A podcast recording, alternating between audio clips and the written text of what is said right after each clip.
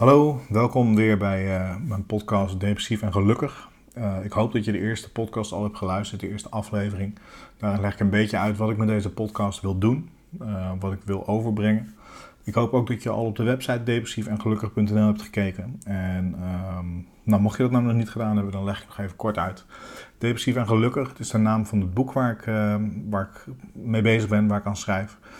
En uh, eigenlijk alles wat ik doe onder die naam, dus de website, de artikelen, de, het boek, de podcast, dat doe ik om uh, aan te tonen dat mensen die depressief zijn, dat ze ook zeker wel gelukkig kunnen zijn. Uh, dat wil ik aantonen aan de buitenwereld, dus de mensen die de depressie niet hebben, maar misschien nog veel meer aan de mensen die die depressie wel hebben en die daar op dit moment bijvoorbeeld middenin zitten. Ik weet hoe dat is en ik weet ook dat er dan iets mogelijk kan zijn. En dat kan muziek zijn, dat kan video zijn, dat kan foto zijn, dat kan weet ik veel wat zijn. Um, om je te laten zien dat het weer gelukkig kan worden. Ik het zo zeggen, dat jij weer gelukkig kan worden. En dat, is, uh, dat zou ik heel graag willen bereiken met deze, ja, met alles onder die naam.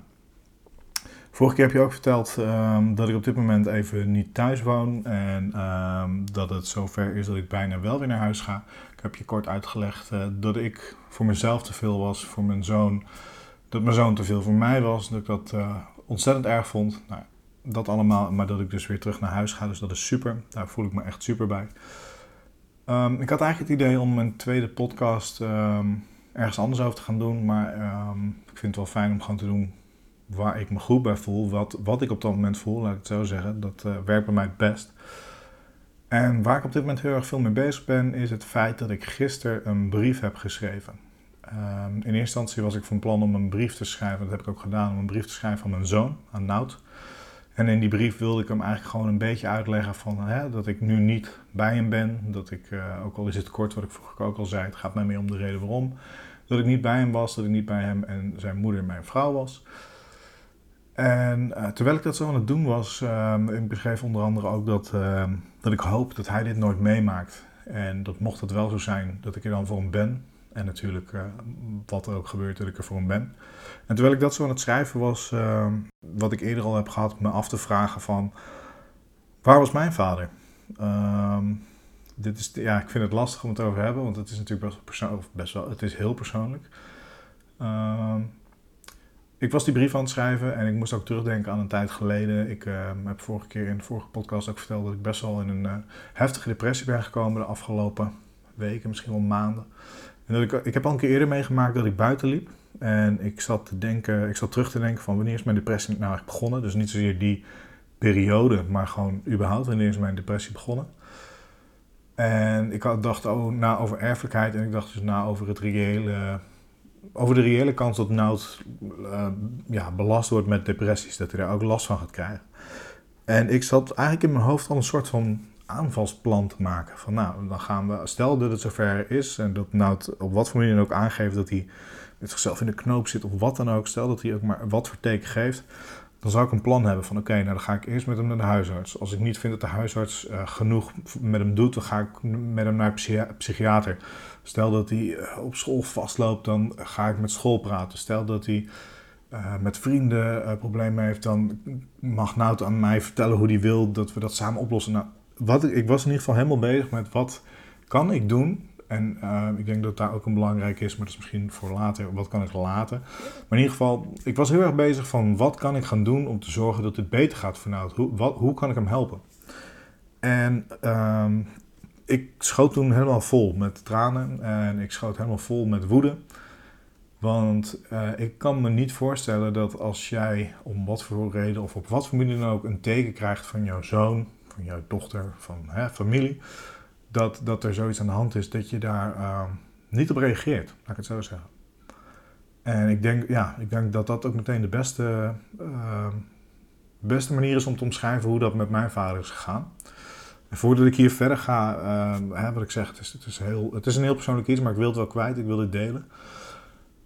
Het is, op dit moment heb ik een hele goede band met mijn vader. Mijn vader, uh, dus de opa van Nout, um, super opa echt geweldig. Uh, maken de grootste lol en uh, het is opa zagen voor Nout. En, uh, ik, ik had, en dat, dat had ik nooit van dat ik dat zou zeggen, maar ik had geen betere opa voor, voor mijn zoon kunnen wensen.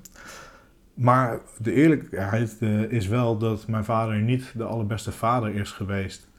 Dat mijn vader ehm, eigenlijk heel afwezig is geweest. En dan niet in de fysieke zin, dat hij gewoon niet thuis was, maar in de, de geestelijke zin. Dus ik heb, ik heb in die zin ehm, heb ik een hele moeilijke, slechte relatie met mijn vader gehad. Want nogmaals, op dit moment gaat het heel goed. Maar ik heb dus die brief geschreven. Dat is eigenlijk waar ik een beetje van afdwaal. Maar ik heb die brief geschreven omdat ik was bezig met een brief naar Nout. En, sorry. En ehm, toen ik die brief aan Nout aan het schrijven was, dacht ik van... Hé, hey, ik ben nou als vader zijnde die brief naar mijn zoon aan het schrijven. Ehm, ik heb nooit zoiets gehad. En eigenlijk wat in mij opkwam was de vraag waarom. En uh, ja, die, die vraag, die waarom, die bleef doorgaan. Bleef, uh, waarom heb ik uh, nooit uh, die brief gehad? Waarom heb ik nooit. waarom is dit zo gegaan? Waarom is dat zo gegaan? Ik ben ondertussen even die brief er aan het bijpakken. die brief die heb ik dus geschreven. En die kwam zo uit mijn hoofd, om het even zo te zeggen. Daar heb ik niet over na hoeven denken. Dat, dat, ik zal het vast wel herkennen. Ja, laten we het flow, flow noemen. Of hoe ik zat in die flow. En die brief die ging er gewoon uit. Dat, dat schreef ik gewoon. Um, maar toen die brief helemaal af was, toen heb ik wel daarbij stilgestaan. Heb ik hem nog een paar keer gelezen. En uh, ik heb hem niet aangepast. Ik heb hem helemaal gelaten zoals die is. Maar ik heb wel ja, gelezen van wat, wat is dit? Waar, hè? waar komt dit zo in één keer vandaan? Laat ik het zo zeggen. Want ik schreef het zo snel dat ik daarna nog moest bevatten wat ik nou eigenlijk geschreven had. Um, ik heb daarna ook die brief in een uh, envelop gedaan. En ik heb die uh, envelop heb ik de, de, het adres en de naam van mijn vader opgeschreven. En ik heb daar een postzegel op gedaan. En ik heb toen heel lang getwijfeld. Ik heb uh, mijn eh, vrouw, Charlotte, verteld eigenlijk wat er gebeurd was in de zin van dat ik een brief aan Nout aan het schrijven was. En dat ik toen uh, die brief van mijn vader heb geschreven. Ik heb haar ook die brief laten lezen. En dat vond zij heel pittig. En ze vroeg ook wat ik daar verder mee ging doen. Nou, toen had ik die brief dus al in een envelop zitten en uiteindelijk, om een heel lang verhaal kort te maken, ik heb die brief in de brievenbus gedaan en ik heb mijn moeder in dit geval verteld dat die brief eraan kwam. Meer in de zin van dat zij, ja, zoals ik het toevallig net nog met Charlotte, uh, ik had Charlotte net aan de telefoon, net nog zei, ik zou het heel naar vinden als mijn vader bijvoorbeeld op weg is naar een verjaardag of op punt staat om naar een verjaardag te gaan, dat hij die brief ziet, die openmaakt en dat hij die brief dan even tussen neus en lippen door krijgt. Dus vandaar dat ik dat heb aangegeven. Dus ik neem aan dat mijn vader ondertussen ook weet dat hij een brief krijgt.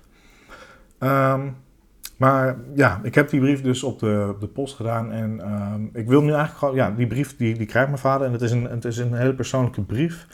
Um, ik moet je ook heel eerlijk zeggen dat ik me dan uh, af, en toe, af en toe de afgelopen dagen afvraag van... wat moet ik daar verder mee? Moet ik dat naar buiten brengen, laat ik het zo zeggen. Maar ik heb ook het idee, ik, ik heb dit uh, in mijn boek opgenomen. Dus ja, ik, ga het maar gewoon voorlezen. Lieve vader, Waarom? Waarom gaat het nu zo goed tussen ons? Waarom heeft het zo lang moeten duren? Waarom lijkt het alsof er een kleinkind voor nodig was om onze relatie te verbeteren? Waarom was er een bijna doodervaring voor nodig om jou te zien huilen? Waarom krijg ik nog steeds de kriebels als je me aanraakt? Waarom slik ik al jaren pillen en heb ik het bij iedere therapeut over de dingen die in het verleden tussen ons zijn gebeurd en gezegd? Waarom kun je nu geweldig omgaan met noud, terwijl ik met tranen in mijn ogen terugdenk en me afvraag hoe vaak ik wel niet tegen je heb gezegd dat jij mijn kinderen nooit te zien zou krijgen? Waarom ging mama iedere keer in therapie en ging jij niet mee? Waarom helde jij niet toen ik je door mijn tranen aankeek terwijl ik jullie net had verteld dat ik niet langer wilde leven? Waarom heb je jouw eigen slechte jeugd niet kunnen gebruiken als drijfveer om het beter te doen?